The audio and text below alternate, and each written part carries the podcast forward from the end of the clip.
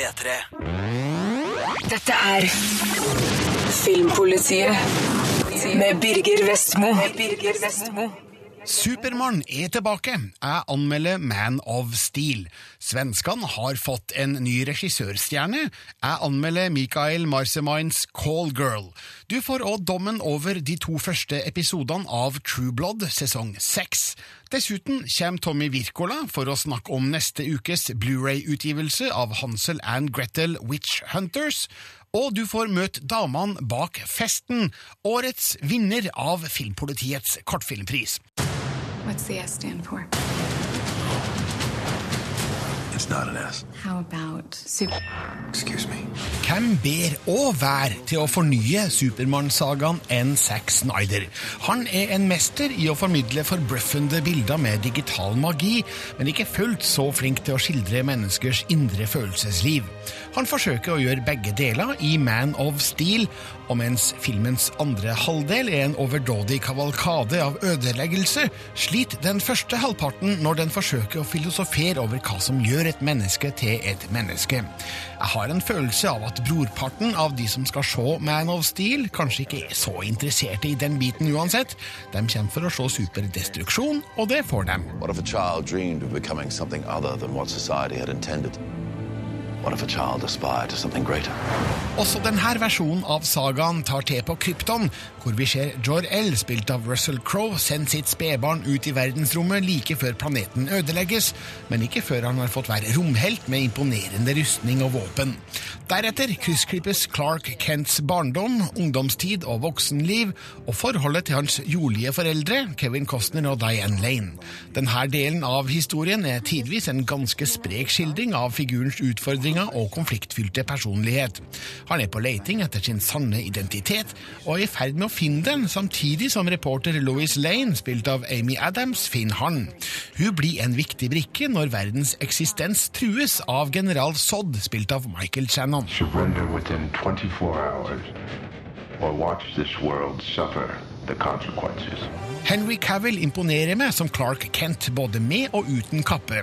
Han utstråler en stødig sikkerhet, noe har rollen fort kun blitt ufrivillig komisk foruten. Manuset, regien og skuespillet behandler figuren stort sett uten ironi, noe vi skal være glade for. Se hva som skjedde med Batman-figuren i de tøysete Joel Schumacher-filmene. Men det Man of Steel ikke makter, er å skape et troverdig par av Clark Kent og Lois Lane.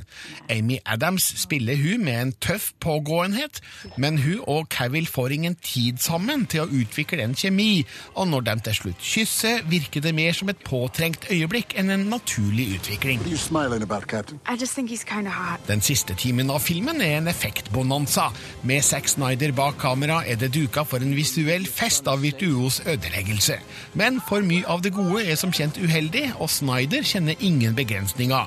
Jeg kjenner kjedsomheten kom krypende, samme hvor mange lokomotiver supermenneskene kaster mot hverandre, eller når hver eksplosjon er større enn den forrige. Effektene er imponerende, ja visst, men etter en stund slutter sekvensene å være spesielt spennende og blir til en digital 3D-graut. Okay? Til tross for noen innvendinger syns jeg Man of Steel likevel er en kul film. Den oppfyller kravene som gjerne stilles til en sommerlig blockbuster, med heftig superheltaction, episk utseende og flere kjente fjes foran kamera. Det er bare det at med Christopher Nolan som både manusforfatter og produsent, hadde jeg håpa et kvalitetsnivå nærmere The Dark Knight-trilogien. Man of Steel hadde trengt et sterkere fokus på Clark og Lois, og litt mer sofistikert effektbruk. Jeg håper Supermann kommer tilbake, og at kvaliteten da kan heves enda et hakk. Dette er Filmpolitiet på P3. Vi må snakke om ukas tristeste nyhet her i Filmpolitiet, og da dreier det seg selvfølgelig om James Gandolfini, som døde onsdag, 51 år gammel, av et hjerteinfarkt i Roma. Og ja, det er jo det er jo ikke trist på det personlige plan, kanskje, men det er ikke langt unna Andreas Opsvik? Nei, det er en eh, stor skuespiller, og da snakker jeg ikke bare om hans eh, kroppslige robusthet. Vi snakker om en, en skuespiller, som gjorde veldig mye kanskje spesielt for TV-dramaet. For det er jo det han er best kjent for, som eh, Tony Soprano i The Sopranos. Men allerede før det så hadde han jo en eh, lang, fin karriere. Altså, Jeg husker han først fra True Romance, Tony Scott-filmen basert på Quentin Tarantino-manus, der um, Gandolfini spiller leiemorder som um, har en eh, utrolig skrudd sjarme, samtidig som han er fryktelig farlig. Og det er vel den miksen han eh, har eh, blitt kjent for. Ja, for den der, eh, som du sier, den miksen av litt sånn kriminell, men akkurat i Sopranos tilfelle, i hvert fall familiekjær, er jo nettopp det som, som gjorde han så spesiell, og som nok pløyde en del mark, og hva det heter Heter det pløyge en del mark? Ja, Det et Nybrottsarbeidet. Nybrottsarbeidet, i hvert fall.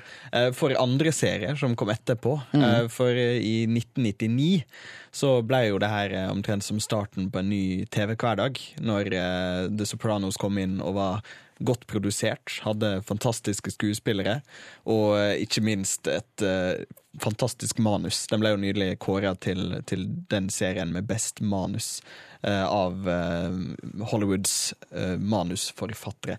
Og når eh, en da kom fra en tid med veldig, veldig mange, eh, kan nesten si masseproduserte sitcom-serier, så er det jo ikke det er ikke helt uventa at han senere omtrent har blitt sammenligna med Jesus for TV-drama. Men da James Gandolfini fikk sin signaturrolle, så var vel ikke det en selvfølgelighet? Altså, det fantes ikke mange hovedrolleinnehavere som han på verken film eller TV i 1999? Nei, de vi ser nå, har vi jo Nå har vi Dexter, og vi har eh, Sons of Anarchy-hovedrollene, og vi har eh, en masse TV-serier som nettopp, og, og for så vidt filmer, som fokuserer på det her eh, Hva skal vi kalle det? eh, Kriminelle folka som vi likevel har stor, eh, stor sympati med. Og så når da Soprano dukka opp som den her eh, fantastiske personen da den 10. januar 1999 så ble det det- er ganske en stor omvelting som eh, vi, vi har vært vitne til, sånn sett. Så vi kan takke James Gandolfini og selvfølgelig da skaperne av eh, The Sopranos for den TV-revolusjonen vi har fått eh, i tida etter. Vi kan takke David Chase, skaperen av The Sopranos, og vi kan takke godeste James Gandolfini for den fantastiske rolla som Tony Soprano. Og ikke minst kan vi takke Ray Liotta, som takka nei til hovedrollen som eh, Tony Soprano. Ja. Det er fryktelig trist at Gandolfini er borte. Med han har vi mista en god karakterskuespiller. Vi har også mista muligheten for at Sopranos noensinne kommer tilbake igjen, for det kan vel umulig la seg gjøre på noe vettugt vis? Tja, hvis eh, Tupac kan komme inn og rappe, eh, så veit du aldri eh, hva en kan få til med CGI nå til dags. Og på p3.no filmpolitiet kan du akkurat nå lese lesernes favorittsitater fra The Sopranos, og du kan lese NRKs Erlend Lånke Solbus hyllestartikkel til James Gandolfini under tittelen 'James er død, Tony lever'. P3. Andreas Hatzel Opsvik anmelder premierefilmen Ernest og Celestine. Den store, slemme bjørnen. Når han våkner, er han sulten. Et koselig og vakkert eventyr om uvanlig vennskap, sier du. Den filmen har jeg da vitterlig sett før. Og ja, særlig nyskapende er ikke Ernest og Celestine sånn sett. Noen vil kanskje kjenne igjen de to figurene fra de belgiske barnebøkene på 80- og 90-tallet. Musa Celestine bor i en underjordisk museby og blir stadig fôra historier om de store, skumle bjørnene. På overflata bor bjørnene som hater å ha mus i husa sine, deriblant gatemusikeren Ernest. Både samfunnene er skjønt samd om at mus og bjørner skal holde seg for seg sjøl, fordi det alltid har vært slik. Så kan du tenke deg oppstyret når de to hovedpersonene, etter å ha gjort eh, kriminelle handlinger, bestemmer seg for å bo sammen. Illustratør og forfatter Gabrielle Mansin var visstnok sterk motstander av filmatisering av bøkene sine fram til hennes død. Men noen må etter hvert ha sagt ja. Det er en litt mer hardbarka versjon av de to vi finner her enn i bøkene, men de har løst det her mot slutten av filmen på en god måte. Universet er litt utvida, og det til det gode. Der Bjørnebyen hovedsakelig en hvilken som helst menneskeby med bjørneri, er Musebyen et herlig fjellandsby i kloakken, der gnagerne kan leve sammen med tanna som samfunnets drivkraft. Det artigste og kanskje mest beskrivende skilnaden mellom de to samfunnene er nettopp synet på tanna. Der musene ser den litt på samme måte som det norske samfunnet ser på olje, med tannleger som et av de viktigste yrka, er tanna bare noe bjørner kjøper som forbruksvare, som noen må ha når den forrige blir ødelagt. Det hele er akkompagnert av herlig jazzmusikk, hoppende toner og snirklende melodier som fungerer som små historier i seg sjøl, og fargelegger filmen med like mye karakter som den håndtegna animasjonen. Historia blir hovedsakelig fortalt gjennom statiske kamera som framhever bevegelsene til figuren. Animasjonen flyter veldig godt, og spesielt ansiktsmimikken er tydelig like inspirert av japansk animasjon som av den klassiske europeiske. Den viktige akvarellfølelsen er også tatt vare på fra de opphavlige illustrasjonene. Det er filmen et særpreg som er viktig når historien i utgangspunktet er noe som har blitt vist i barnefilmer før. Der er ei universell historie om venner fra ulike lag i samfunnet, og jeg ser for meg at den fungerer like bra på alle språk. Blant de norske stemmene er det Stig Henrik Hoff som jeg legger best merke til. Den brummende stemmen hans, denne gangen i nordnorsk språkprakt, er naturlig utløp for tankene til Bjørn Ernest. Hva heter du? Hæ? Ernest. Jeg heter Celestin. Høydepunkter i filmen er alt som har større røsle og leik over seg. Jaktscener i kloakken eller feber- og drømmesekvenser i surrealistiske landskap skaper dynamikk. Men de små, søte samtalene mellom våre to helter ligger innimellom som pustepauser. Mot slutten kulminerer det hele i to parallelle rettssalscener som best viser flyten som ligger til grunn for Ernest og Celestine. Sentralt i historien står soga om at tradisjoner tross alt ikke bør bestemme hele livet ditt. Et vennlig, velmeinende ord til både barn og voksne som måtte ta seg tid til å se denne vesle perla. Fartsfylt nok for de som måtte ønske det, tankefull nok for alle som måtte like slikt. Ernest og Celestine. Dette er Filmpolitiet på P3. Førstkommende onsdag kommer Hansel and Gretel Witch Hunters ut på Blu-ray og DVD. Om litt kommer regissør Tommy Wirkola på besøk for å fortelle om utgivelsen, men først skal du få et gjenhør med min dom over filmen fra kinopremieren. Let the girl go, or I'm gonna blow your sheriff's brains all over these fucking hillbillies. Ok, så er ikke det her akkurat Schindlers liste, men Tommy Wirkolas Hansel and Gretel Witch Hunters er et kjapt og uforpliktende nummer som var over før jeg rakk å kjede meg. Den ene hektiske actionscenen avløser den andre, og tåkelegger effektivt det faktum at manuset skranter, med tynne karakterskildringer og litt sliten ironihumor. Men Hansel and Gretel er i hvert fall helt grei camp, med noen ekstra bonuser om mannen norsk. And we haven't stopped since. Vi møter søskenparet Hansel og Gretel, spilt av Jeremy Renner og Gemma Arterton, flere år etter at de brente heksa som forsøkte å spise dem som barn i godterihytta. De har vokst opp til å bli heksejegere, og tilkalles til Augsburg, der flere barn har forsvunnet. De oppdager at superheksa Muriel, spilt av Famke Jansen, og hennes heksehjelpere, bl.a. Ingrid Bolse Berdal, har kidnappa barna til en farlig seremoni under den kommende rødmånen. I go by many names, none of which you're worthy of pronouncing. Filmen tar seg ikke tid til å introdusere Hansel og Gretel for oss i særlig grad, men kaster oss rett inn i handlinga. Det er litt synd, for vi får ikke tid til å få noen følelse av hvem de her figurene er. Når det er sagt, ser både Jeremy Renner og Gemma Arterton ut som kule, oppgraderte eventyrhelter med et rikholdig anakronistisk vokabular og våpenarsenal. Renner har det rette utseendet, men virker nesten litt uinspirert til tider, mens Arterton fremstår som ei herlig, fyrig og initiativrik actiondame. I see you got my invitation. Say your name before my arrows rip out your throat. Det beste med filmen er hvordan Wirkola sprøyter inn energi i nesten all actionscener. De er svært tett klippa, inneholder flere oppfinnsomme knep, og avsluttes gjerne med store mengder heksegørr som nesten når død snø-nivå. Det vil kanskje oppfattes som historisk ukorrekt å bruke maskingevær og andre mekaniske innretninger på noe som ligner 1600-tallet, men troverdighet og realisme har ingenting med det her å gjøre. Det her er tull og tøys, og filmen vet det. You gotta be kidding me. Nei, Hansel and Gretel Witch Hunters forsøker aldri å være Schindlers liste.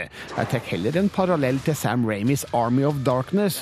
Wirkolas film har noe av den samme anarkistiske holdninga til middelaldersk eventyraction, men kommer til kort når det gjelder den innforståtte humoren.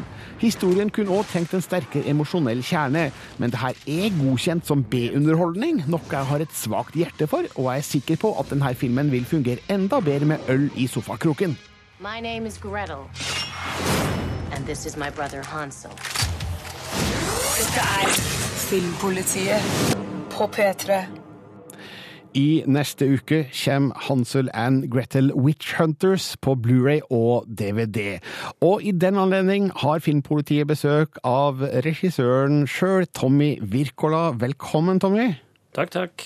Hvordan føles det å få en film ut på Blu-ray? Er det liksom det endelige punktum for, eh, for en produksjon? Ja, det er jo på mange måter det. Det er det, er det siste. Vi har gjort litt press i forhold til den i USA og gjort litt forskjellige ting der. Så nå når den kommer ut, så er, så er, det, så er vi ferdig med den. da. Det, er vi. det, Mm. det, føles, det føles godt og, og spennende, selvfølgelig. Det er, en, det er jo en litt annen versjon som blir tilgjengelig på Blu-rayen. Hva er annerledes? Nei, den er jo, den jo to- eh, 12 11-12 minutter lengre, så det er klart at det er jo mer i den. Og det er kanskje litt nærmere det, det originale manuset jeg skrev. Og den er Altså ofte når det, når det blir det og DVD-er slippes ut, så står det sånn unrated cut, og så er det ti sekunder ekstra med en, en kniv som, som går inn i noe kjøtt. Men, eh, men her er det, altså det er mye ekstra på den fronten også, fordi at selv om vi hadde R-rating i USA, så, så ble det ganske mykna ned da for kinoreleasen. Så det er artig å, å hive mye av det her tilbake, da. Ja, Så den eh, Blu-ray-versjonen er, den er hardere, men det er også mer historie inn? Ja, og litt mer karakterting og mer humor og eh, litt mer av alt. Eh, Det er det. det så det, det er en versjon som, som jeg liker veldig godt, da. Det er det. Ja, Syns du den er bedre enn den som gikk på kino? Eh, ja, altså, det er jo Hva man skal si? Det er jo, jeg, jeg skjønner jo hvorfor kinoversjonen at de lagde den som den ble, og, og at det gjaldt å slå bredest mulig, da. Men, men, eh, men her er jo kanskje mer, litt mer meg, da, med, med mer blanding av humor og, og de ekstreme tingene, da. Mm. Det har vært en lang eh, vei, det her. Altså, når, når starta Hansel and Gretel eh, for ditt vedkommende? Det må være i 2009 når jeg pitcha det og solgte pitchen for første gang. For det var rett etter Død snø-premieren, husker jeg. Så da, ja, det har gått Det har vært en lang vei, det har det. Mm. Så nå er du møkka lei av alt som har med Hansel og Gretel å gjøre? Eh, Jeg var det en stund, men nei da, det går fort. Men nå er vi jo vi og forhandler om, om, en, om en mulig oppfølger, da, så, så man er ikke, jeg tror ikke jeg er helt ferdig med den verden der ennå. Nei, for eh, det, det gikk veldig bra for filmen på, på Box Office, som det heter. Den tjente inn bøttevis med penger. Altså, har du et eh, beløp å slå i bordet med, eller? Eh, ja, ja, jeg tror den endte på kino på ca. 225 millioner dollar. Um, så det er veldig Det er over all forventning. eh, Så det, det er vi veldig fornøyd med. Og, og, og så har den solgt jeg, jeg hørte fra USA i går at den har solgt over forventa også der, på, på DVD og Blu-ray, så det er jo veldig hyggelig. Ja. Uh, hva, hva gjør det med, med din standing i, i Hollywood? Det hjelper jo på, det gjør jo det. Eh, Selvfølgelig det, det at den fikk veldig hard medfart på kritikerne i USA. Det slo vel litt negativt ut i, før filmen da hadde begynt å vise seg frem da, fra sin sterke side, som at, at folk og folket likte den. Og nå i ettertid eh, så har jo flere folk der borte også, og produsenter og distributører og studiefolk sett filmen, og mange av dem liker jo filmen heldigvis. Så eh, nå når man ser tilbake på det, så, så har det jo gitt meg en, selvfølgelig en, en, en eh, Ja, jeg står på en bedre plass enn jeg gjorde før, selvfølgelig, og jeg har bevist at jeg kan lage en hit. og det som er starten på en, en antagelig franchise for Paramount. da. Mm. Får du, Så eh, klart, det har jo mye å si i Hollywood. får du kasta tilbud etter deg etter å ha laga en sånn hitfilm? Nei, det, det gjør jeg ikke. Det er jo noen ting altså, det er jo noen ting som har kommet selvfølgelig som, er- som er- folk vil jeg bare jeg skal se på, men, men de fleste så er det jo manus som, som flere regissører er etter, da, som man må, må gå inn og, og pitche på. Men er klart man merker at, at kvaliteten på manusene har gått opp etter Hans og Grete har kommet ut. Det, det merker man. Det det er sånn, sånn rangstige i Hollywood på regissører, tipper jeg, hvem som får hvordan manus. og og man, eh, ja, jeg merka en, en forbedring i kvaliteten i hvert fall etter, etter Hans og Grete. Det ryktes jo da om en oppfølger til Hanselen Gretel, og er det naturlig at du eh, også regisserer den? Ja, altså det Vi, vi forhandler om at jeg skal skrive altså, eh, skrive og regissere den, men, men ingenting er skrevet enda, Under på, altså, ingenting er skrevet under på enda, men, men jeg, jeg håper jo det. Jeg har jo lyst til at jeg, jeg har lyst til å lage en til. Jeg har lyst til å, å lage en bedre film enn forrige gang, og jeg har lyst til å gjøre noe annerledes enn sist. og Jeg har lyst til å jobbe med Jeremy og Gemma igjen, men klart at det også handler også om scheduler og, og tid, og hvem som er ledig når. Eh, men uh, vi, vi snakker med Paramount nå, og jeg og produsentene mine vi har en idé som jeg har pitcha til dem, som vi liker veldig godt, og som vi prøver å få Som, som Paramount da vi driver og forhandler om på det, kan du si. Så, så hvis de er med på den, så, så ender det opp med at jeg først og fremst skriver manuset, da. Men det finnes jo ikke en Hollywood-produsent som eh, sier nei til å lage en oppfølger til en film som har tjent inn 225 millioner dollar. Nei da, det gjør det ikke. Så det, det blir jo oppfølger uansett, det vil jeg tro. Eh, Men, eh, men ja, altså, ingenting er avklart med hvem som skal gjøre den, og når det skal skje. Men du eh, er opptatt med en annen oppfølger som vi venter veldig spent på, nemlig Død snø 2. Den skal spilles inn nå i høst, og det er det du bruker dagene dine på nå, Tommy? Ja, det, vi skal begynne å spille den inn eh, den 5. august, og, og, eh, så det er jo bare ja, en måned og et par uker igjen.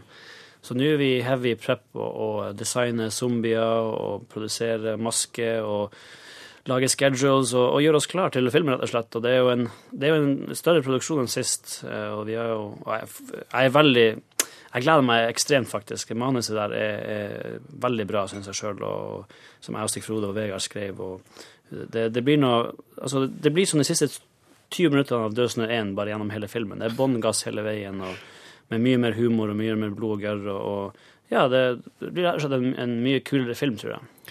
Eh, Det ble jo vist eh, en smakebit eh, i Cannes på filmfestivalen der.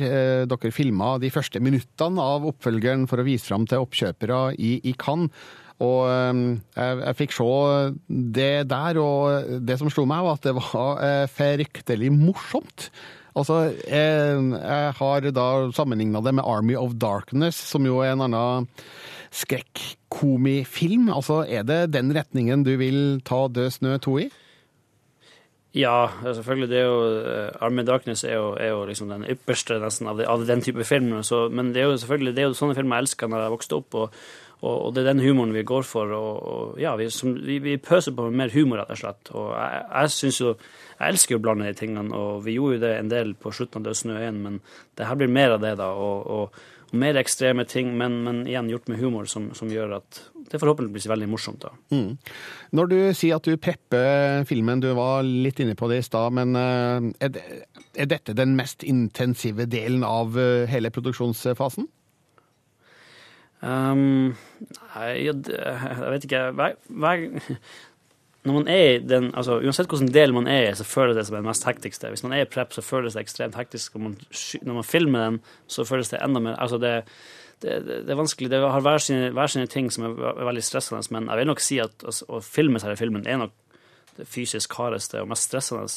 Men klart at det ja, vi har et veldig ambisiøst manus, og, og, for å lage for det budsjettet vi har. I Norge så har vi ikke store budsjetter å leke med, så vi må være oppfinnsomme, vi må være kreative, og vi må finne smarte løsninger på ting. Så akkurat det er jo Vi er, vi er i den delen nå der vi, der vi ja, rett og slett går gjennom alt av set pieces of action og, og, de store tingene, og så ser vi hvordan vi kan løse det på smarte måter. og Det er klart at det, det er mye som skal på plass på kort tid, men det er jo også litt av sjarmen å lage filmer i Norge. Man må, man må tenke uh, utenfor boksen litt og, og, finne artige løsninger. Men greier du å holde hodet over vannet i en sånn situasjon der du har ekstremt mye å gjøre, eller føler du deg litt bakpå?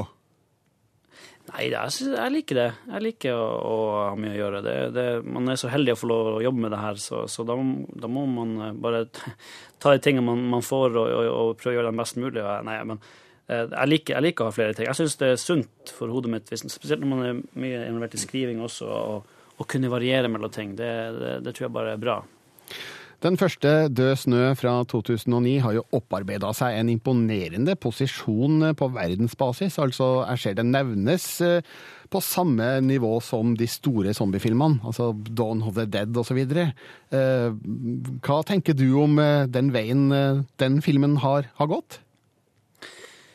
Nei, det, det, er jo veldig artig å tenke på, selvfølgelig. Det, som du sier, den har jo vært på mange av de kåringene i det siste. Rolling Stone hadde den nylig på ti beste zombiefilmene som var laga. Det er jo utrolig kult å lese, selvfølgelig. Og den lille filmen som vi lagde med, med, med ganske begrensa ressurser oppe i Nord-Norge, har, har, klart det. Det er vi jo strålende fornøyde med. Og det er jo også derfor For vi tror at den har opparbeidet seg en slags sånn kullstatus eh, rundt omkring i verden, og vi har lyst til å lage en oppfølger og utvide denne verden og, og gjøre det enda bedre. og gi folk mer av det de likte sist gang. da. Jeg, altså, Død snø 1 er jo, er jo, veldig todelt. Personlig så liker jeg jo altså Første halvdel av Død snø er jo en klassisk grøsser, mens andre er mer eh, gung ho-style eh, med, med, med, crazy set pieces og blod og gørr og humor. og Det er jo det jeg liker. Så vi har, som sagt, Død snø 2 blir, blir, mer av det, da. Og uh, vi har lyst til å, å, å gjøre det mye bedre og mye morsommere neste gang. Men, Men at, den er, at, den har fått seg, at den har kommet dit den har, det er jo selvfølgelig utrolig. Og i, når jeg møter folk ennå etter Hans og Grete nå i Hollywood, så er det så Død snø kommer alltid opp som en, som en film de, folk liker veldig godt. da. Føler du, føler du noe press da på Død snø 2? Nei da, jeg, jeg, føler meg ganske sikker på at vi har et manus som er, som er bedre. Det, det, gjør jeg. Og uh, jeg tror nok vi skal klare å, å, å gi, det, gi, folk det de vil ha, og, og mer. Men mens du driver på med det her, så driver du også på med andre ting. Altså, nå er jo Kill Buljo 2 i postproduksjon, som du har skrevet og som du spiller i. Og så, ja, ja. og så driver du og skriver er den amerikanske versjonen av TV-serien Hellfjord. Hva, hva, skjer der? Ja, nei, det, det er jo um, Jeg og Saeed og Sifrode skriver på ja, vi skriver på en amerikansk versjon av Hellfjord som som Gary Sanchez Production, som er da Will Ferrell Adam McKay og den gjengen der, som de produserer, og som Showtime produserer da, sammen med dem. Uh, og de kjøpte rettighetene etter å ha sett den norske versjonen. Så vi driver og Vi skal faktisk levere det inn til Showtime denne uka, første gang de leser, leser piloten, da, det er episode én, som vi har skrevet. Og uh, vi har da vi har amerikanisert den litt, selvfølgelig. Vi har gjort ting litt annerledes her og der. og og Showtime og Gary Sanchez uh, har jo selvfølgelig mange notes de også vil ha inn, og mange ideer. Så uh, ja, vi leverer det inn nå, og da får vi se. Jeg regner med at vi får masse notes fra dem etter hvert, og det tar en stund for manuset sitt, og så tar de en avgjørelse om de vil filme piloten eller ikke. Og, uh, så det, det, er en, igjen en ny, ny, prosess å jobbe med TV der borte, men så langt har det vært veldig positivt, og, og Showtime virker som en utrolig bra kanal å lage TV på. Handler det fremdeles om en eh, purk fra storbyen som må et sted nordpå? Ja, han må en, ja, avsidesliggende plass. Det, det, må han. Og, og, den har jo, det er jo hoved, hovedtrekkene de samme, men det er mye det er, jo, det er selvfølgelig Amerika det er snakk om, og det, det, er mer humor å ta ut av, av Altså, Vi hadde jo Saeed som var pakistaner, flyttet til Nord-Norge, og vi, vi bruker den vinklinga til enda sterkere grader i den amerikanske versjonen som, som selvfølgelig har eh, litt mer komplisert eh, ja, si, utenlandspolitikken enn Norge. Uh, og vi bruker det. Og Showtime er jo veldig De har jo laga serier som, som uh, Dexter, men også Homeland, da, og er veldig de, de, vil veldig pushe grenser, og det er jo veldig kult. Det liker vi. Så, så uh, det blir litt annerledes, men hovedtrekkene i historien blir de samme, da. Men først av alt nå så er det Hansel and Gretel Witch Hunters som skal ut på Blu-ray og DVD i, i, neste uke. Men eh, den gis jo ut i to versjoner, Tommy. Altså 3D-versjon og vanlig 2D-versjon. Hvilken mm. versjon skal man velge? Nei, altså Det, det finnes vel en, eh, en sånn pakke der eller de får begge i én. Da, anbefaler jeg å ta den. Så da kan man se For den lengre versjonen er ikke tilgjengelig i 3D. Eh, den, den, som er lengre, den finnes bare på Blu-ray i 2D. Så den selvfølgelig har jeg lyst til at folk skal se, men, men man burde jo også se den i 3D. Vi har veldig god 3D på filmen, syns jeg. Så um, hvis det finnes en pakke som du får alle, så burde, burde den gå for den. Man skal se begge, altså? Eh, bare så man har valg, valgmuligheten, i hvert fall. Ja. Har du blitt fan av, av, 3D? Altså, det er jo flere som påstår at 3D er en døende gimmick. Hva tenker du? Nei, det, vet ikke, hva, det tror jeg, jeg tror det er motsatt. Jeg tror det bare blir mer og mer vanlig. Du ser Alle store filmer nå er jo 3D. Det, det, jeg tror det er for å bli. Og eh, jeg liker 3D i, i noen sammenhenger. Det, det, det er bare, jeg, jeg, jeg, synes, jeg tror bare det, det blir en del av kinoopplevelsen fremover nå, om man vil eller ikke. Og det kan hende at det deler seg litt mer ut, at det er bare de, de største filmene og de blockbusterne som får det etter hvert, men uh, jeg tror nok ikke det går bort med det første, og spesielt Altså, I USA har det gått kanskje bitte litt ned den trenden, men resten av verden så er det bare på vei opp hele veien. Så eh, jeg ser ikke for meg at det skal gå bort med det første. Skal du filme Død snø 2 i 3D? Nei, Nei vet du hva, det, det, det skal jeg ikke. Det, nu, men nu, de fleste filmene nå filmes jo ikke i 3D. De filmes i 2D, og så konverteres de etterpå. Vi, på Hans og Grete så filma vi jo faktisk over halve filmen i ekte 3D, og det var et herk. Det, det, det tar dobbelt så lang tid, og kameraene er, en, er enorme rigger som er mulig å manøvrere. Og, så det var, ikke, det var en opplevelse jeg ikke vil eh, oppleve igjen, å filme med 3D-kamera. Så det er enklere å filme vanlig og konvertere i ettertid? Ja, det er det alle storfilmene gjør nå. Supermann og Iron Man og eh, Star Trek. og Det blir alt konvertert i ettertid. Mm. Men Så jeg vil- tro at det er det som skjer fremover. det blir spennende å se hva du gjør på 3D-fronten fremover. Nå kan vi altså da se hvordan det ble på Hansel and Gretel på Blu-ray i, i neste uke. Tommy Wirkola, tusen takk for at du kom til Filmpolitiet. Og eh, det er vel ingen hemmelighet at eh, jeg gleder meg ekstremt til Død snø 2. Gjør du? Ja, veldig. Jeg, jeg gleder meg å filme, jeg gleder meg å henge med vennene mine igjen og, og lage film og, og gjøre akkurat hva jeg vil. Og ikke ha noen sånne ikke ha noen amerikanske produsenter som henger over skuldra og sier at do this, do that. Ja, ikke, ikke produsenter nødvendigvis, men kanskje nesten eh, litt, litt høyere opp i systemet. Men det er jo en del av det, dessverre. Men, men sånn er det bare. Men det som er fint med å gjøre det i Norge, nå kan man gjøre akkurat hva man vil, og hvis man syns det er ekstremt, for ekstremt, så er det bare et godt tegn. Det er ikke noe å være redd for. Da gleder vi oss til rent anarki på Død snø 2. Takk skal du ha, Tommy. Ja, bare hyggelig. Filmpolitiet. P3. Widescreen på radio. 15, 10 og 30. Hallå? Jag tog barnvakt. Jag kan komma. Se vad du kan hitta på henne som stödjer koppleri. Jag gillar henne. Forskjellen mellom høy og lav er påtagelig i den svenske filmen Call Girl, der samfunnstoppa kjøper sex av unge jenter nederst på rangstigen. Filmen skal være fiksjon, men er inspirert av sanne hendelser, og jeg skjønner hvorfor filmen har vakt oppsikt i Sverige.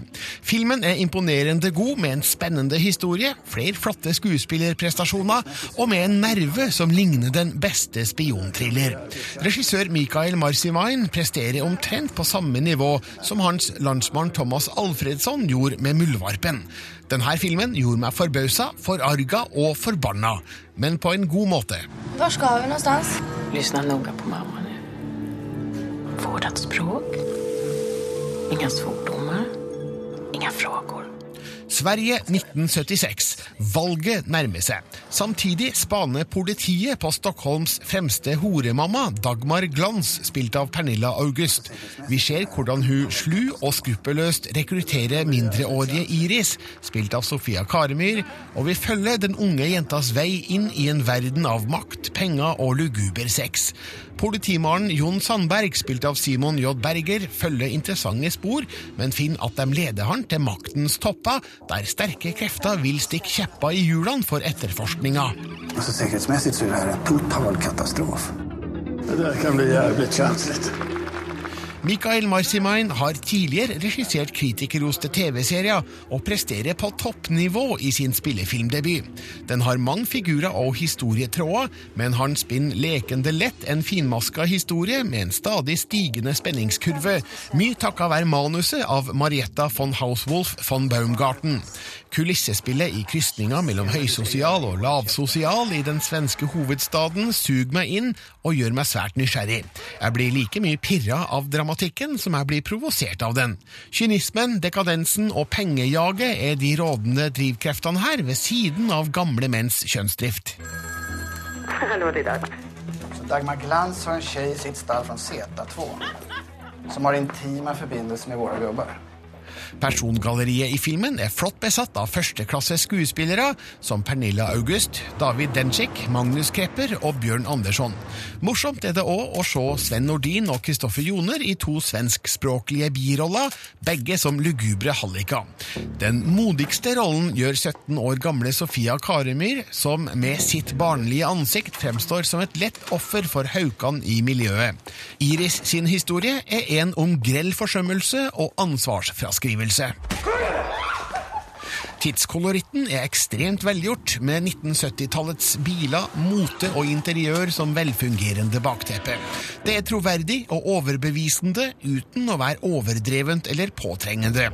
Samtidig er filmspråket fullt av liv, med et energisk foto, fantastisk klipperytme og et lydspor prega av The Soundtrack of Our Lives-gitarist Mathias Berjeds stemningsskapende filmmusikk, samt noen av 70-tallets største hits. Callgirl er en av de beste filmene jeg har sett så langt i år. Den underholder like godt som den provoserer. Den er gjennomsyra av kvalitetsarbeid i all ledd, og et stort gjennombrudd for regissør Mikael Marcimein. At Callgirl ikke vant den svenske Gullbaggen for beste film og beste regi, fremstår for meg som et lite mysterium. Jag skal bare ha det bästa. Ingen jævla mellomtjafs. Det enda du skal gjøre, er å holde käften. Dette er Filmpolitiet på P3. Denne uka var det altså sesongpremiere på True Blood sesong 6 på Seymour og HBO Nordic. Marte Hedenstad har sett de to første episodene. I'm sick of being different. Sick of all the pain. You humans love your pain. You promise to feel the sting of loss forever. When we say forever, we have to mean it. En vampyr med gudekomplekser, nakenhet, trekantsex og maktkamp. Og så blod, da. Masse blod. True Blood er tilbake i den sjette sesongen av serien. Men de to første episodene av sesongen biter ikke like hardt som før. When humans can no longer walk on their streets at night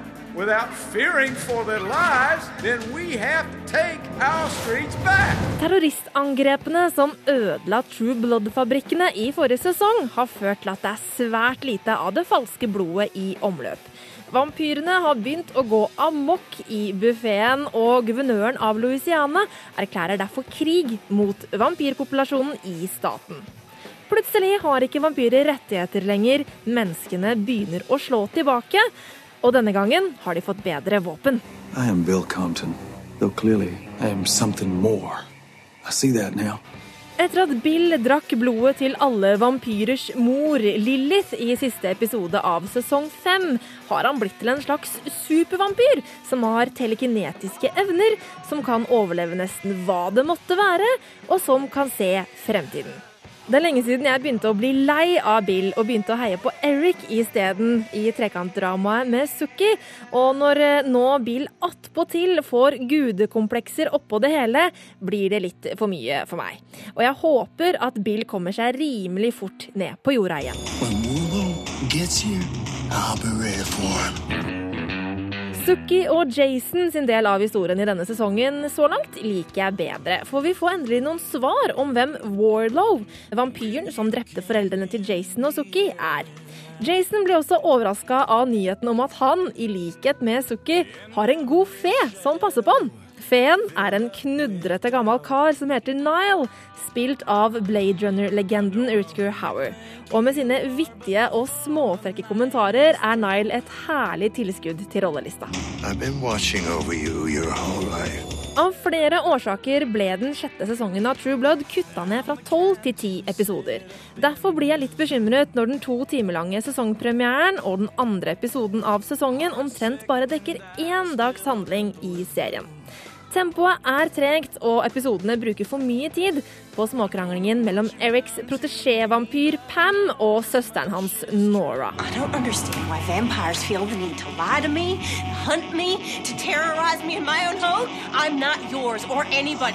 I forrige sesong av True Blood fikk serien et politisk aspekt som ga handlingen mer dybde. Og i sesong seks tas dette videre, men denne gangen blir det kanskje litt for overtydelig. Guvernøren av Louisianas voldelige og diskriminerende antivampyrpolitikk blir nemlig sammenligna med sørstatenes rasistiske historie, og det ser ut til at serien også kommer til å trekke paralleller til holocaust. Og det kan bli litt for dumt. Men når det er sagt, så er det spennende at serien har gjeninnført større gnisninger mellom vampyrer og mennesker, siden det tilfører serien et ekstra spenningselement. Og hvis tempoet i sesongen får opp farta litt, og Bill faller ned fra sin høye hest, så blir det bra, det her. Men så langt har starten på sesong seks vært litt for tam. I wanna do real bad things with you.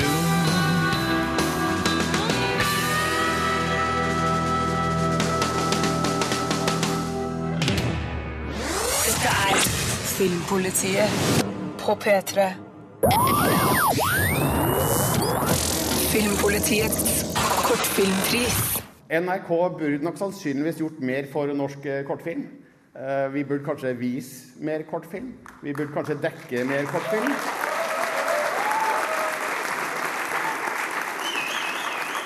Og Derfor så er jeg glad at vi i P3 fortsatt kan ha denne prisen og gi litt fokus på norsk kortfilm gjennom den. Nå har eh, festivalen forhåndsjuryert eh, litt. Eh, sendt meg ca. 20 filmer som de ment kunne passe for et P3-sk publikum. Jeg så gjennom dem og plukka ut de fem jeg likte best. Og kandidatene var altså da 'Haikeren', 'Snø', 'Festen', 'Virkelighetsflyktning' og 'What Everest'. Og Det er de fem kandidatene som man kunne stemme på på våre nettsider. Alle filmene ligger der fremdeles på p3.no filmpolitiet. Men én har da gått seirende ut av denne avstemninga. Og vinneren av Filmpolitiets kortfilmpris 2013 er 'Festen The Party' av Astrid Thorvaldsen.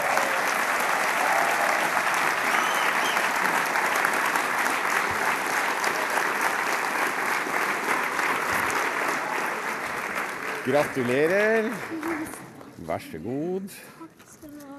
Ja, nå må vi jo ha noen ord, da. Ja. Det var veldig uforventa. Veldig sterkt ønsket. Jeg må si tusen takk til alle som har stemt på oss.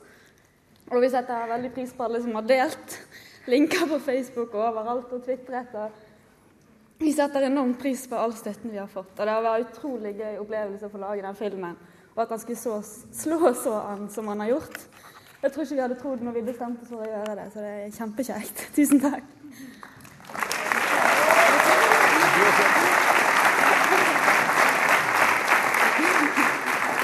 Jeg må bare snike til med noen ord, jeg også. Ettersom vi nå har heldig fått 10 000 kroner, så kommer det en oppfølger, selvfølgelig, Nashi. Og så kommer det selvfølgelig også en prequel, som blir fortsetta. så vi vil også bare si at eh, nå lager vi spillefilm på NTNU. Folk kommer ikke til å stå stille, men dere må komme på kino uansett. Tusen takk.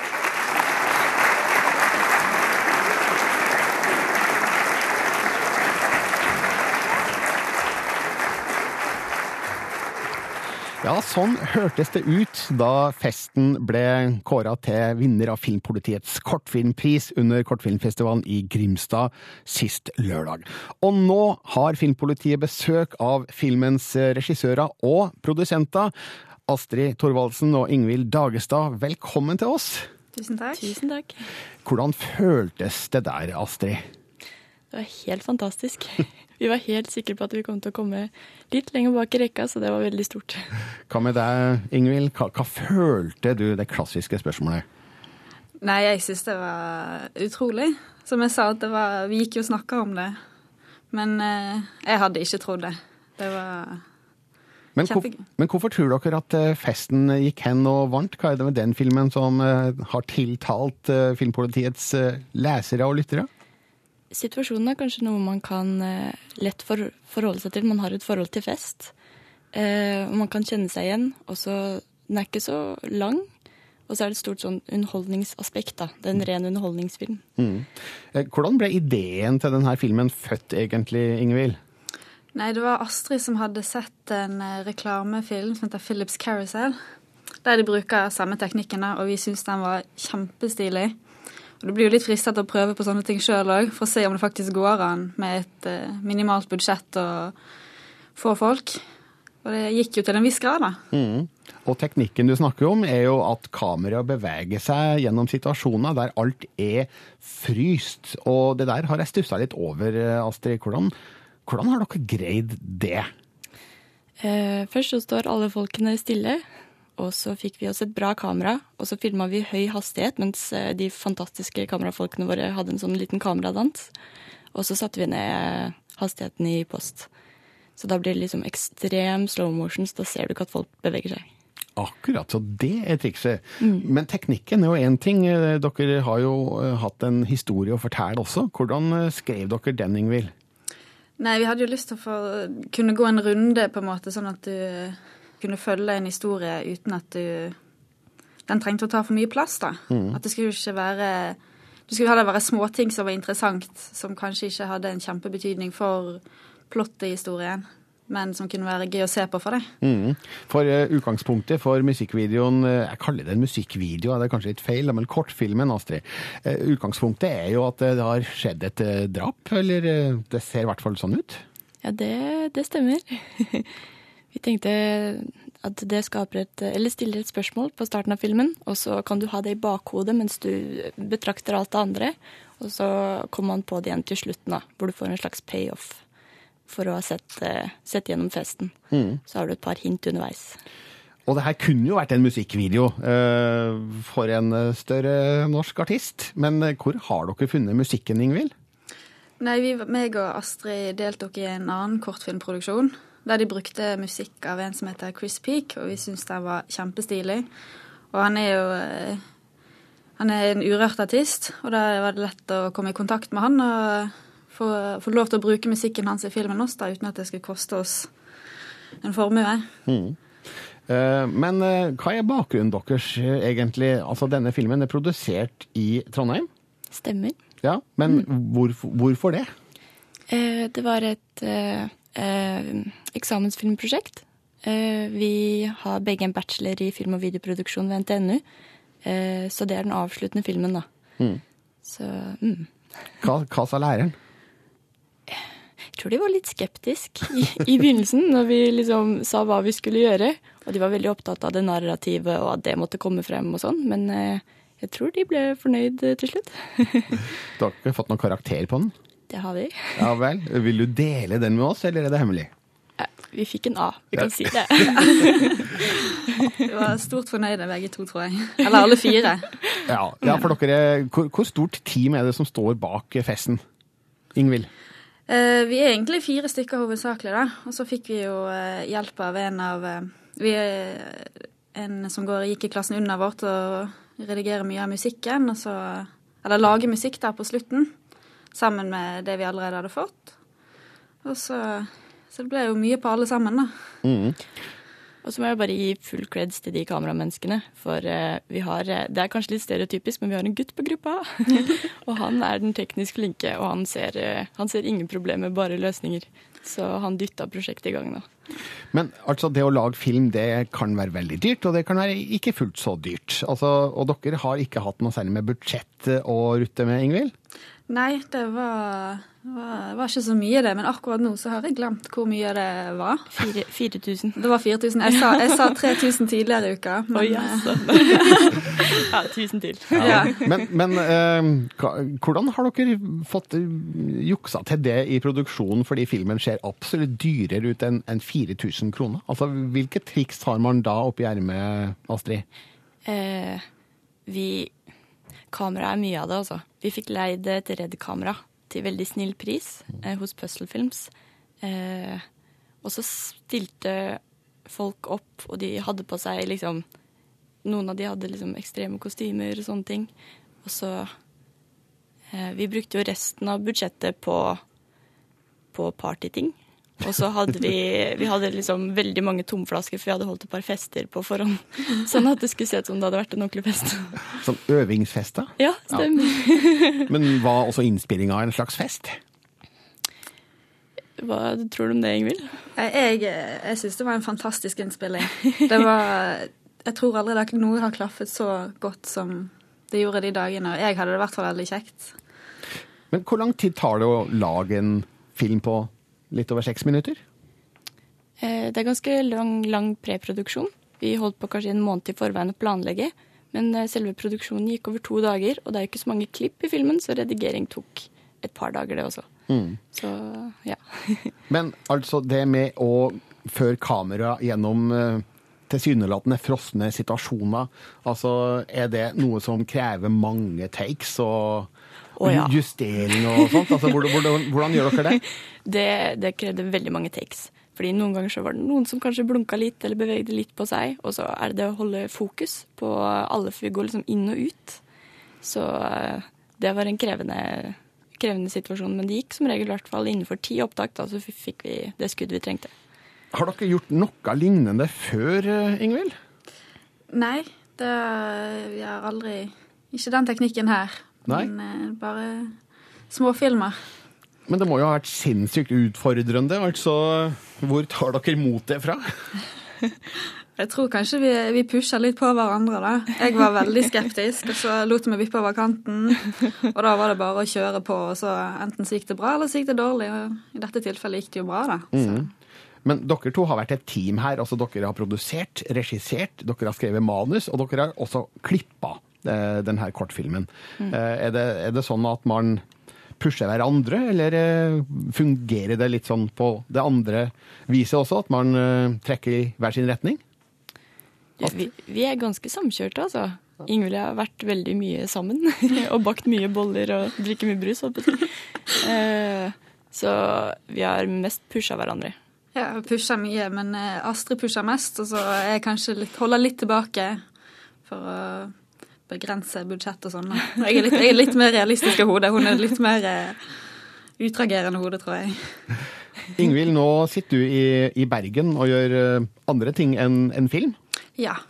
Mens eh, Astrid, du er fremdeles i Trondheim, og du har absolutt ikke slutta med film. Du har gått i gang med en spillefilm nå. Det stemmer. Hva er det? Eh, Vi er ni stykker som går en mastergrad på NTNU i film- og videoproduksjon. Og da vi starta, så fikk vi tilbud om at vi kan få lov til å lage en eh, spillefilm. Så da hoppa vi på det for å få den erfaringen. Så nå har vi brukt ett år på preproduksjon, og så går den i opptak til, eh, til høsten. Ja, Så det skal du bruke sommeren på. Det skal jeg bruke sommeren på. Hva slags film eh, skal dette bli? Det skal bli et horrordrama. Det skal det bli. Litt skummelt, men også litt festlig og karakterer som samspiller godt og ja. Kan du si litt om handling? Å ja. Ja. Jeg kan tise litt. Fyr løs. eh, liksom, taglinen er eh, Hva ville skjedd hvis spøkelseshistorien du forteller, blir sann? Eh, og det har et veldig sånn klassisk utgangspunkt med fem ungdommer som skal på hytta.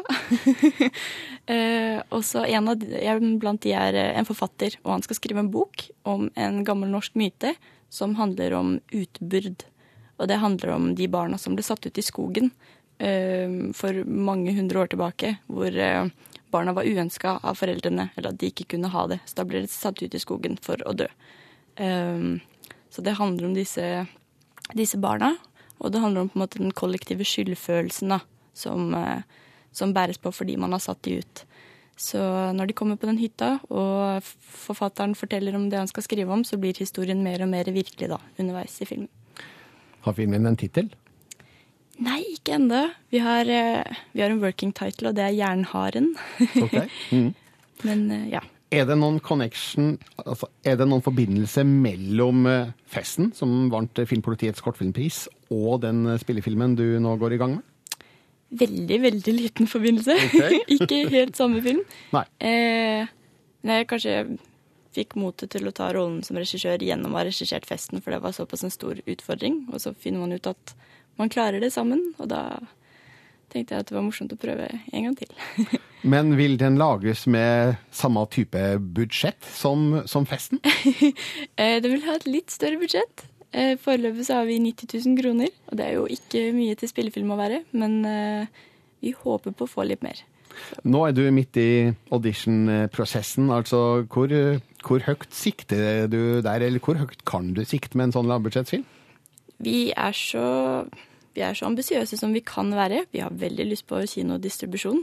Jeg føler vi har litt samme utgangspunkt som festen. da. Vi visste ikke om vi ville klare det, men så er det sånn, man kjører på, og så satser man høyt, og så går det bra. Men eh, navn der, det er litt for tidlig å spekulere i. Ja. Ja. Vi holder auditionrunder akkurat nå, Mm. etterpå. Mm. Eh, så den prosessen er i gang, men ikke klar. Ingvild, blir du litt misunnelig når du sitter og hører om uh, filmprosjektet som Astrid skal i gang med? Ja, jeg blir litt misunnelig. Men- Nei, uh, det høres veldig kjekt ut, men uh, det, var, det er godt med en pause òg fra, fra film. Klart du skal være med, Ingvild. jeg, kom, jeg kommer opp til høsten, vet du. Men har du lyst til å jobbe med, videre med, med film, eh, Ingvild? Ja, jeg har, har lyst til å kanskje fortsette litt seinere. Mm. Komme inn i det igjen. Og bare henge med på de andre igjen. Jeg har, eh, for- har fått så gode venner, så jeg håper de tilgir meg og slipper meg inn igjen senere. Eh, hvor starta filminteressen eh, din, Astrid? Åh, den starta med, med Disney først, kanskje, men spesielt Ringenes herre. Totalt nerd og har sett den cirka, sikkert sånn 300 ganger. og så så jeg bakom film, og så Peter Jackson som går rundt med briller og regnjakke og sier hva folk skal gjøre. Og vi forteller en historie så sterkt at han bruker liksom tolv år av livet sitt på det. Da fant jeg ut at det, det her er det jeg har lyst til å gjøre. Hva med deg, Ingvild? Har, eh, har du et sånt øyeblikk der filminteressen ble vekt til live? Nei, jeg, jeg tror egentlig den har ligget der hele tiden, men den, eh, den har ikke aldri vært så tydelig. Og så plutselig, når jeg skulle søke på, på universitetet og var ferdig på videregående, var ingenting mer som var planlagt, så sto, det med, sto medieproduksjon der, eller film- og videoproduksjon, og da jo, nå skal vi gjøre det her. Så da det, det var jo veldig kjekt, og jeg kan absolutt, angrer absolutt ikke. Hva slags type film foretrekker du da, Ingvild? Eh, Jeg er veldig glad i lette filmer blitt. Jeg syns det er glad i en god komedie eller eh, og spenningsfilmer. Mm. Si. Okay, ja. Astrid, kan jeg gjette på at du liker fantasy? Ja, det, det stemmer. Men jeg liker, jeg liker alt. Alt som er godt, eh, godt gjennomført og godt fortalt. Hvis du får fortsette som filmskaper eh, utover, um, vil du prøve forskjellige ting, eller er det en spesiell sjanger du kanskje ønsker å bli bedre i? Jeg har veldig lyst til å gjøre mye forskjellig. Jeg syns det er kjennetegn på en god regissør hvis han eh, eller hun eh, behersker mange sjangere. Jeg har også veldig lyst til å blande sjangere. Eh, Forbildet er kanskje Tarantino. Det er ikke noe dårlig forbilde, det. Nei, jeg satser på det. Har du et forbilde, Ingvild? Nei, ikke som jeg kommer på det på sparket, i hvert fall. Men da er det vel gjerne ikke et forbilde heller. Det er mange, det er mange. Astrid er mitt forbilde, vet du. Nei, du. Så festen er altså da årets vinner av Filmpolitiets kortfilmpris, og det har vært en glede å ha dere her, Astrid Thorvaldsen og Ingvild Dagestad. Tusen takk for at dere kom. Tusen takk for at du fikk komme. Det var veldig stas. Tusen takk. P3. Hele tre gamle actionstjerner er Blu-ray og DVD-aktuelle denne uka. Du finner Bruce Willis i A Good Day to Die Hard. Sylvester Stallone spiller hovedrollen i Bullet to the Head, men han jeg velger å trekke frem her nå, er selveste Arnold Schwarzenegger i hans comeback som actionstjerne The Last Stand. Hey, Sheriff. Almost didn't recognize you in plain clothes. Well, it's my day off. Should be a quiet weekend. Arnold Schwarzenegger gjør comeback som actionhelt. The Last Stand er en nesten rørende gammeldags actionfilm med blodig vold, store eksplosjoner og overdrevent karikerte helter og skurker. Filmen er stor og dum, og ingen kan påstå at det her er høyverdig kunst. Men av og til er slike filmer akkurat det jeg trenger, og Schwarzenegger har fremdeles nok sjarm og karisma som hardbarka filmhelt, sjøl om skuespillet hans fremdeles er like subtilt som en bulldoser. En narkobaron er i vill flukt mot grensa mot Mexico. I den lille byen Somerton blir to politioffiserer beskutt av anleggsarbeidere like ved grensa. Sheriff Ray Owens, spilt av Schwarzenegger, aner en sammenheng og starter forberedelsene for å stoppe Cortez og hans medhjelpere, som ledes av Burrell, spilt av Peter Stormare. Men det lille sheriffkontoret har sparsomt med ressurser, og Owens må ty til eksterne krefter for å ha en sjanse. Utgangspunktet er altså så enkelt som det kan bli. En slemming er på vei, han må stoppes. Regissør Ji-Woon Kim, kjent for The Good, The Bad, The Weird, greier imidlertid å få mye moro ut av en svært tynn historie. Både skurkens flukt fra FBI i lynrask superbil og skuddvekslingene mellom helter og skurker holder høy actionkvalitet. Men det blir ikke like crazy komisk som i Kims koreanske filmer. Han håndterer The Last Stand som en slags westernhyllest, bare med moderne virkemidler. Ikke alt er filma like smakfullt, men det går greit å være litt tung på labben i en slik hjulbeint og breiskuldra film. Jeg trodde aldri Arnold Schwarzenegger skulle greie å komme tilbake som actionhelt. Men 65-åringen ser ut til å trives foran kamera. Han har ikke blitt en bedre skuespiller siden sist, men han har fremdeles nok muskelmasse til å kunne passere som hardtslående tøffing. Filmen gjør òg et poeng av alderen hans, uten at det virker spesielt kunstig eller påtrengende. Arnold er fremdeles den beste Arnold vi har, og denne filmen viser at han har flere inne. Are you, Sheriff? Old. Det er like mye i The Last Stand, samtidig som jeg må innrømme at den ikke treffer blink med alt. Noe av humoren virker malplassert. Johnny Knoxvilles figur blir ikke utnytta fullt ut, og en stor skytescene fra hovedgata i Sommerton kun vært koreografert bedre og klippa tettere. Men den er god som lett underholdning med tunge gønnere, og da er jeg fornøyd. Who the hell are you? I'm the sheriff. Dette er Filmpolitiet på P3. Nå er altså The Last Stand ut på Blu-ray og DVD. Det er òg, som jeg nevnt, Bullet to the Head med Sylvester Stallone og A Good Day to Die Hard med Bruce Willis. Mye tøft denne uka. Dermed er Filmpolitiet ferdig for i dag. Jeg heter Birger Vestmo og retter oppmerksomheten mot p3.no filmpolitiet. Der finner du alt av nye anmeldelser og andre godsaker. Ha en fin fredag! Dette er Filmpolitiet med Birger Vestmo. Hør flere podkaster på nrk.no podkast. P3.